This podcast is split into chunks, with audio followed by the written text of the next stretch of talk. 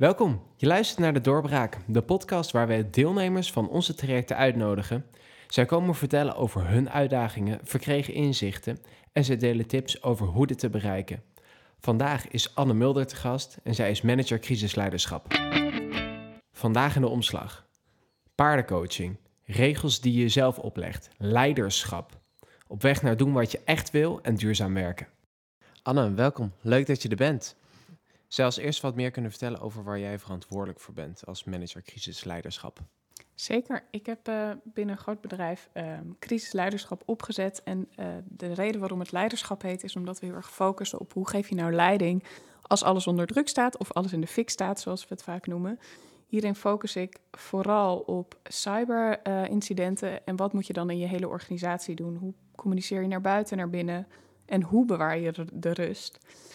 Um, hierin heb ik een team van team professionals waarin we zowel remote als fysiek trainen. Um, en dat doen we met boards van organisaties en ook met mensen op de vloer. Dus eigenlijk door de hele organisatie heen, waarin de, het essentiële onderdeel van onze simulaties is, is dat je de ervaring opdoet hoe jij reageert als alles in de brand staat. En daarmee kun je dus ook trainen hoe je rustig daarin blijft. Want de missie is uiteindelijk, je leert autorijden niet uit een boekje. Je kunt alles uh, autoregels weten en hoe je de koppeling moet laten opkomen. Toch de eerste keer slaat hij af. Um, en zo zien we dat ook met leiderschap met mensen in het bedrijfsleven. Geen functie, maar een gedrag. Ja, en heel erg de ervaring, omdat je het daarin leert. Dus we, we noemen het in het Engels vaak, we're, we're training the muscle. En hoe vaak moet je de muscle trainen voordat je vanuit nature goed op crisissituaties kan reageren? Of kan reageren zoals wordt verwacht of gehoopt? Dat is heel verschillend. Het is ook uh, een stukje is aanleg. Sommige mensen blijven gewoon heel goed rustig als, als er gewoon uh, stond aan de knikker is. Sommige mensen vinden dat ingewikkelder. Uh, en een van de dingen helpt is om het al een keer gedaan te hebben en te zien wat er dus ontploft in het bedrijf. Of wie er heel erg uit een slof schieten, wat er heel erg uit de bocht vliegt. Dat je dat veel sneller kan herkennen de volgende keer. Dus het hangt heel erg van de casus af. Het hangt ook van de personen in het leiderschap mm -hmm. af. En ook wel de ervaring. Als dit de eerste keer is dat je op een crisispositie zit, dan heb, hebben de meesten daar vaak iets meer oefening voor nodig dan degene die al twintig jaar in het vak zitten. Terwijl degenen die ook al lang in het vak zitten ook steeds weer nieuwe dingen te leren hebben. En zeker op het gebied van cyber zie je dat die generatie vaak niet is opgegroeid met cyber. Dus dat daar weer hele andere nieuwe leeraspecten in zitten. Dus ik denk beide. Dat het aan de ene kant kun je het heel snel leren, aan de andere kant heb je er altijd toch oefening voor nodig. Okay. je hebt het vandaag aangeschoven omdat jij hebt meegedaan met een uh, leiderschapsprogramma. Dat je was een beginnende manager en um, dat programma is bedoeld om jouw potentie als toekomstig leider te gaan ontdekken. V vertel, waar ging het programma wat jou betreft over? In het programma hebben we heel veel onderdelen aangeraakt over uh, hoe je bepaalde dingen doet. Dus van de, bedrijfsatleet, dus hoe je ook uh, fysiek en mentaal fit blijft tot en met hoe jouw programmering eigenlijk in elkaar zit. Dus wat, wat de drijfveren zijn van hoe jij leider bent. Stiekem is dit alweer drie jaar geleden en heel leuk om terug te kijken. Ook omdat je, als je er zo bij stilstaat, opeens ziet waar je vandaan komt. Um, en de punten die me het allermeest zijn bijgebleven van, deze, van dit programma... is dat we een sessie hebben gedaan waarin um, de paarden als reflectie um, werden ingezet... En we hebben een opdracht gedaan over regels, heten die, um, die je dan voor jezelf hebt. Dat je altijd iets op een bepaalde manier moet doen, of dat je iets nooit op een andere manier mag doen. Dat is me ook heel erg bijgebleven. En vooral om dat allemaal onder elkaar te zien, dat ik dacht: oh wow, ik heb er eigenlijk best meer dan ik dacht. Dus dat, um, nou, dat was dit programma. Neem ons eerst eens mee naar, uh, naar de sessie met paarden. Dat, um, je, had, je had nog nooit zo'n sessie gedaan, of was je er bekend mee? Ja, ik was halverwege mijn opleiding in, tot paardencoach toen we dit gingen doen in het bedrijfsleven. Wat voor mij super gaaf was, omdat ik het zelf aan het leren was. Mm -hmm. En nu met mijn eigen peers, gelijken kon ervaren. En in het bedrijfsleven dat je zo precies op je werkplek met de mensen waar je anders, nou ja, soms gewoon werkdiscussies mee hebt. Dat je daarmee bij, bij de paarden staat. Wat het mij als inzicht gaf, is uh, je moest een opdracht doen met een paard. We hadden één paard in de, in de bak. En je moest dat paard vragen om iets te doen zonder dat je hem aan het uh, halster van een touw mocht hebben. Dus je moest echt met lichaamstaal nou, laten zien dat jij de baas was en wat je, wat je wilde van het paard. Um, en voor mezelf vond ik het heel mooi om te zien dat ik er eigenlijk te snel te dichtbij ging staan. En dat het paard toen dacht, nou, ik blijf ook gewoon even staan. En pas toen ik eigenlijk een stap naar achter deed en heel duidelijk zei van... ik wil dat je nu vooruit gaat. Dus mijn plek vergroten, dacht het paard... oké, oké, zij is de leider, ik ga vooruit. En wat het andere wat, wat ik heel bijzonder vond... is om mijn andere uh, collega's te zien. Daarin dat ik... Ehm, wat, hoe die er waren met een paard. En dat de een bijvoorbeeld best een grote mond kan hebben op de, in de gang... maar die dat best spannend vond. En Mhm. ook dat de een graag voorop loopt en dat de ander graag van achteruit drijft. En ehm, voor mij was dat heel inzichtvol ook. Dat ik dacht, dit is wat ik echt wil doen, ook met mijn paardencoaching als ik hier klaar mee ben, Mhm. met deze opleiding. Dus dat was eh, mijn inzicht zo far. En jij zegt dan, ik was te dichtbij gaan staan bij het paard, waardoor hij niet naar me toe kan. Wat, wat zegt dat over jou dat je te dichtbij bent gaan staan in het begin? Is dat... Nou, ik herken het heel erg van mezelf, dat ik, ik, dat ik te snel, te, te dichtbij wil of te snel in actie wil, voordat je eigenlijk duidelijk hebt gemaakt wat voor actie je wil. Mhm. En in mijn werk vertaalt dat zich vaak dat ik al heel hard aan het werk ben, terwijl ik helemaal nog niet heel duidelijk had gecommuniceerd wat ik graag ook van de rest wilde. En het paard staat in dit geval voor de rest van het team. Ehm, dus met dat ik een stap naar achter kon doen, duidelijk kon aangeven, ik wil dat je die kant uit gaat, ehm, kon dat paard ook bewegen. Dus dit heb ik ook echt vertaald naar mijn leven in kantoor, achter de laptops, in de kantoorruimte. Om soms ook fysiek een stap naar achter te doen. Even te denken, waar zijn we mee bezig? Ben ik duidelijk in welke kant ik wil dat iedereen opgaat? Eh, en waar deze opdracht heen moet, ben ik daar duidelijk over? En dat heeft me echt in heel veel situaties daarna heel erg geholpen. Dus paard is dan een direct spiegeltje in hoe jij normaal in de organisatie rondloopt en hoe je mensen benadert. Ja, ja, en ik denk ook wel in spannendere situaties. In de zin van, eh, ook al ben ik gewend met paarden, het is altijd spannend. Zo'n paard is 600 kilo. Ehm, weet je, als je op je teen gaat staan. paard Ja. dat voelt echt niet fijn. Dus, en het blijft een vluchtdier. Dus het is ook een soort van. En iedereen kijkt naar je. Dus dat je niet beschrijft, Anne, je moet een stap naar achter. Nee, ik heb zelf ervaren dat ik een stap naar achter doe, moet doen. En wat het me oplevert door dat te doen.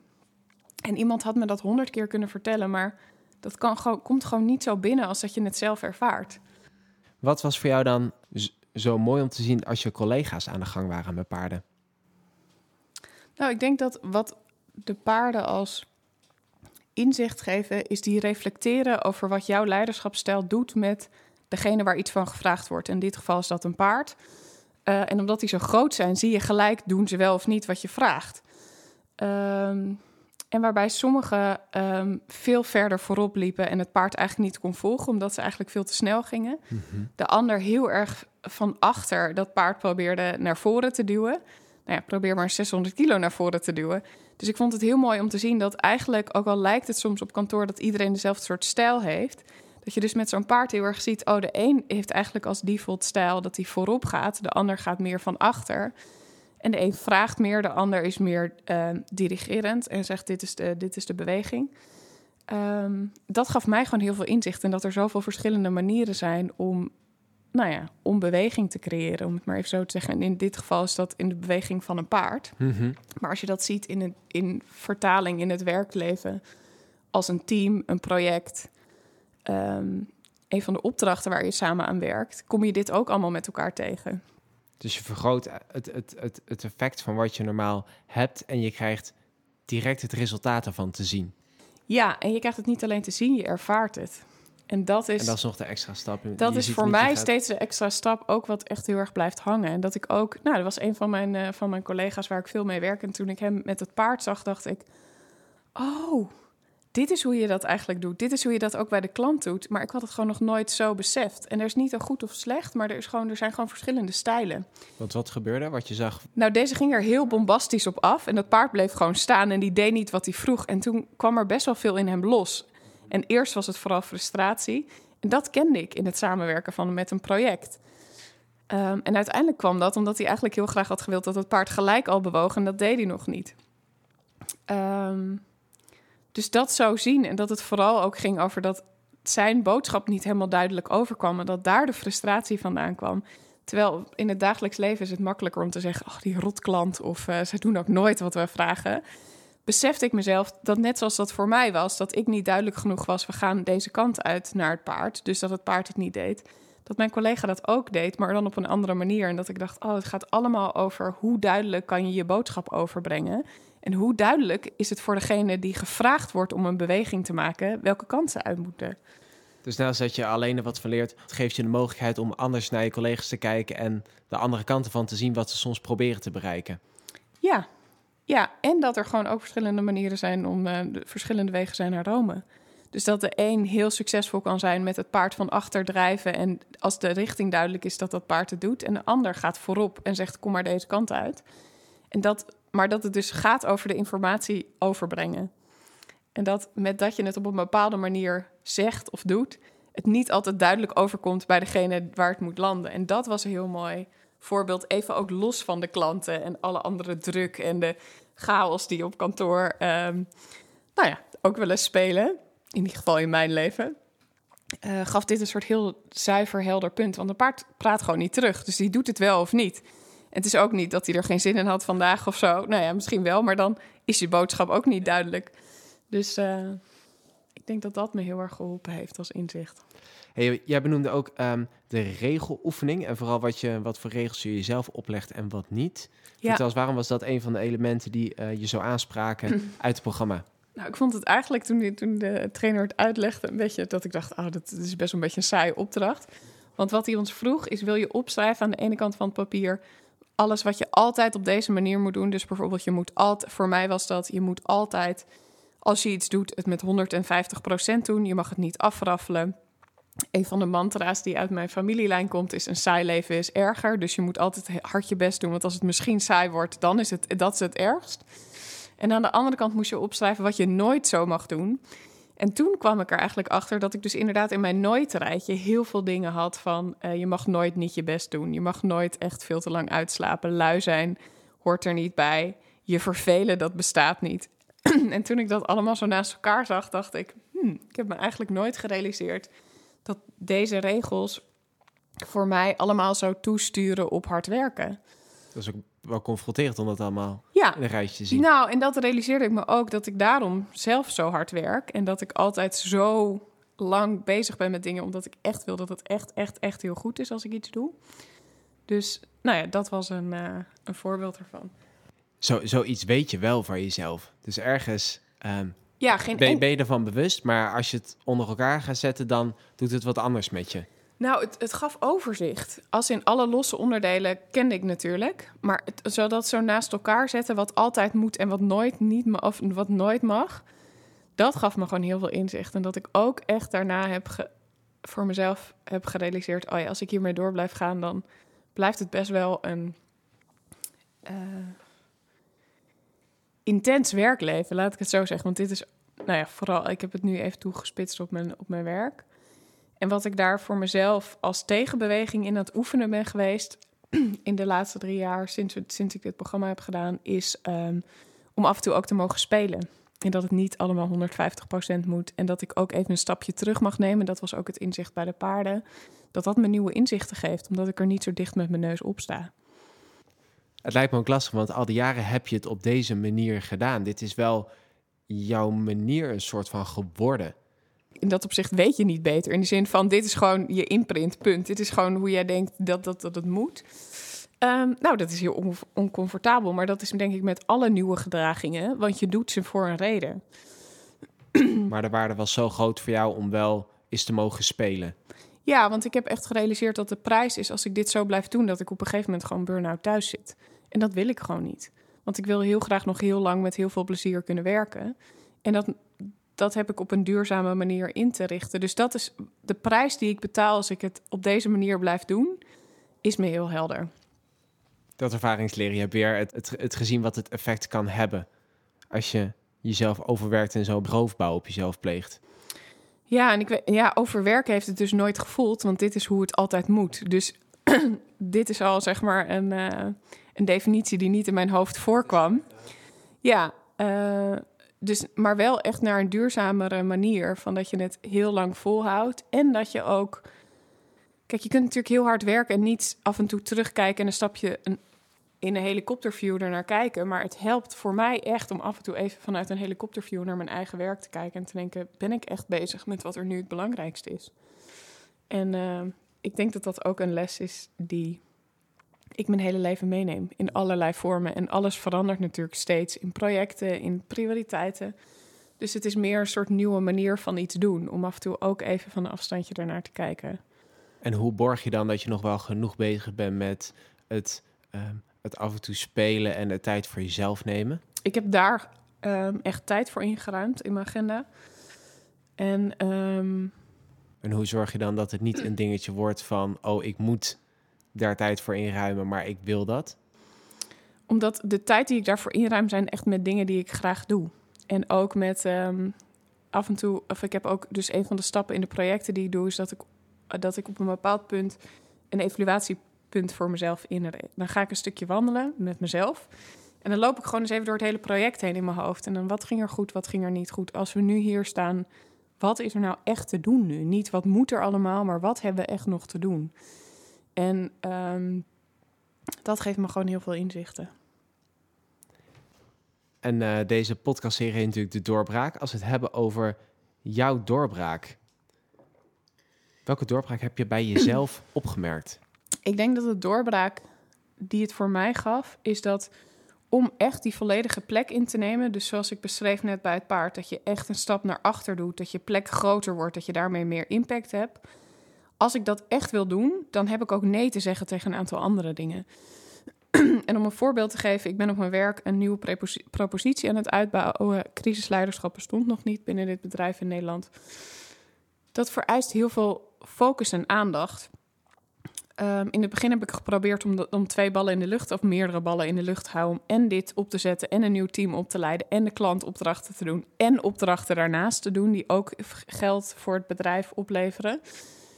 En ik heb hiermee echt gerealiseerd dat als ik die plek wil innemen en dit echt wil opzetten, dat ik daar focus voor nodig heb. En dat ik dus ook echt nee moet zeggen tegen andere projecten.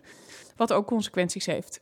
Um, maar als je ja zegt tegen het een, moet je nee zeggen tegen het ander. En ik denk dat dat echt wel mijn doorbraak is geweest. Uh, en dat zie ik nu ook drie jaar later, waar ik nu sta. Had ik eigenlijk niet durven dromen dat ik drie jaar geleden met, dit, met deze propositie zou, zou staan. Dus ik denk dat het ook zijn vrucht heeft afgeworpen om echt de focus daarop te hebben. Maar het mooi dat je dat ook merkt. Ja. Welke momenten na het programma waren cruciaal om dichter bij je doel te komen?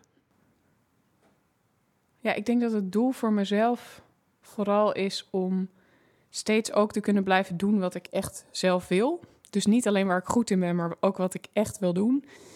Ehm, de paardencoaching naast mijn werk, um, mijn consultantwerk, dat geeft me heel veel voldoening. En geeft me ook echt een, uh, een nieuwe kijk op, ding, op, nou ja, ik denk het verandermanagement en het leiderschap wat ik ook in mijn consultantwerk doe geeft het werk met de paarden. En het, daarin werk ik ook met, het, met systeemopstellingen. Dus mhm. dat je, een ander woord is familieopstellingen. Dat je echt ziet wat een systeem doet en wat jouw rol in het systeem is. Dus we hadden het er net over in een team. Wat jouw rol in een team is, dat is ook een mini-systeem. Dat, geeft me echt, dat heeft me echt na die training echt meer inzicht gegeven daarin. Wat zou je de luisteraar nog gunnen? over de lessen die je hebt meegemaakt, de dingen die je hebt geleerd. Wat, wat gun je de luisteraar? Ik denk dat mijn les die ik steeds voor mezelf weer ook in dit leiderschapsprogramma terugkomt, is manage energy, not time. Dus zoals ik zei, ik ruim er tijd voor in in mijn agenda. Wat ik daar het belangrijkste in is, is dat als ik die tijd heb, dat ik daar ook nog energie voor heb. Dus dat ik niet theoretisch een middag vrij heb om nog iets creatiefs te doen, maar eigenlijk back-off ben. Maar dat de tijd die ik dan ook echt heb, dat ik daar ook echt de energie in heb om daar of op te reflecteren of iets leuks voor mezelf te doen of um, iets af te maken wat ik heel graag, waar ik al heel graag een, een tijd aan wilde werken. En dat is wel echt de leidraad die ik zie dat als je je energie kunt managen, dat dat maakt dat je ergens succesvol in kan zijn, want dan kun je je focus erin houden. Heb je nog een tip hoe de luisteraar hiermee kan gaan beginnen? Zeker begin eerst eens om te kijken in een week waar krijg ik energie van en waar krijg ik geen energie van. En als ik iets en als, als je dan kijkt naar hoe je je week hebt ingericht, heb je dan de leuke dingen ingericht na de dingen die je heel veel energie kosten. En heb je dan eigenlijk nog wel energie om dat leuke te doen?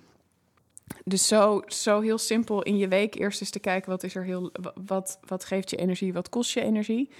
Ehm, en ik denk dat we allemaal wel eens hebben bedacht: ik ga vandaag eh, schilderen of uh, een muziekinstrument spelen. Of ik ga eens even een stuk, stuk schrijven of een boek lezen. Een podcast opnemen. Een podcast opnemen. Maar dat je dan eigenlijk zo moe bent of nog zo bezig bent met het project wat je daarvoor aan doen was. Dat je eigenlijk niet je volle aandacht ervoor kan hebben. Dus de uitnodiging is: check eens eerst bij jezelf. Heb je de focus die je ervoor wil hebben en de energie om te doen wat je graag wilde doen? En als je dan erachter komt dat je, um, je bent in je leukste doen, je kan er niet volledig van genieten omdat je de energie er niet meer van hebt. Stel je voor, je komt tot die realisatie, tot dat moment. Wat doe jij dan? Nou, wat er dan voor mij, het eerste wat ik dan doe, is ik pak mijn agenda voor de volgende week en ga eens even kritisch weer door zo'n week heen. Want soms sneaken er gewoon dingen in in een, in een week. Nou ja, dat die voller is dan dat je in eerste instantie dacht. En dan ga ik gewoon heel kritisch er doorheen. En streep ik er ook echt wel weer een aantal dingen uit. En dat is ook wel wat ik heb geleerd: dat ik beter drie dingen echt kan doen dan zes dingen half. Dus ik heb liever drie grote afspraken in mijn week dan zes, waar ik eigenlijk bij de derde al op ben om, en er dan nog drie moet. Zoals je benoemde bij uh, jouw doorbraak, eh, bewust ja en nee zeggen. Ja, en ik denk nog bewuster nee zeggen, want ik was al heel goed in ja zeggen. ja, dus ik denk bewuster nee zeggen tegen veel dingen, omdat je daarmee ja kan zeggen tegen wat je echt wil doen. Dankjewel. Dankjewel voor je komst. Wat leuk dat je um, het, ik denk nog niet heel bekende, ik denk dat vele al de mensen die ermee bekend zijn het wel weten, maar het overgrote deel niet, dat wat paardencoaching teweeg kan brengen en wat, dat, uh, wat voor spiegeltje dat is, wat je jezelf voor kan houden. En het team, wat je daarin terug ziet en jouw, uh, jouw manier van um, zorgen dat je weer energie hebt voor de dingen waar je van houdt. Dankjewel. Dankjewel.